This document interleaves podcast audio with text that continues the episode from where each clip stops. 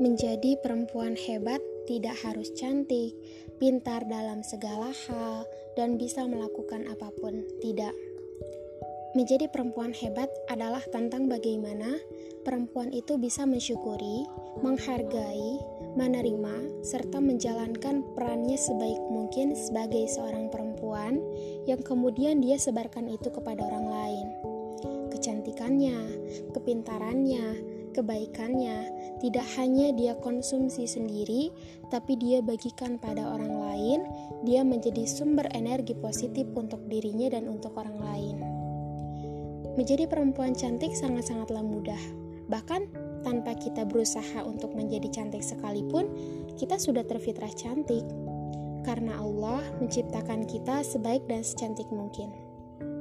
Menjadi perempuan yang pintar dalam segala hal, siapa pun, bukan hanya perempuan, kewajiban menuntut ilmu itu akan selalu melekat. Hanya saja yang perlu kita sadari dan perlu kita garis bawahi adalah ilmu itu luas, sedangkan kemampuan kita ini terbatas. Kita tidak akan bisa menjadi sempurna.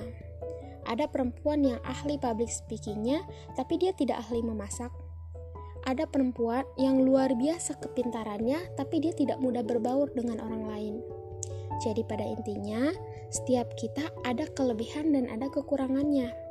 Yang membedakannya adalah disadari atau tidak, diterima atau tidak, diketahui atau tidak, dan dijadikan bahan remehan diri atau dijadikan kekuatan diri. Menjadi perempuan hebat bukan hal yang sulit, bukan hal yang mustahil untuk setiap perempuan dan kamu harus bisa memastikan bahwa diri kamu adalah bagian dari jutaan perempuan hebat itu. Kamu cantik, kamu hebat, kamu pintar untuk segala hal yang ada pada diri kamu. Langkah awal kamu saat ini adalah dengan mensyukuri dan menerima apa yang sudah seharusnya kamu terima. Setiap kita istimewa, dan kemudian pikirkan bagaimana caranya agar orang lain bisa merasakan juga keistimewaan itu.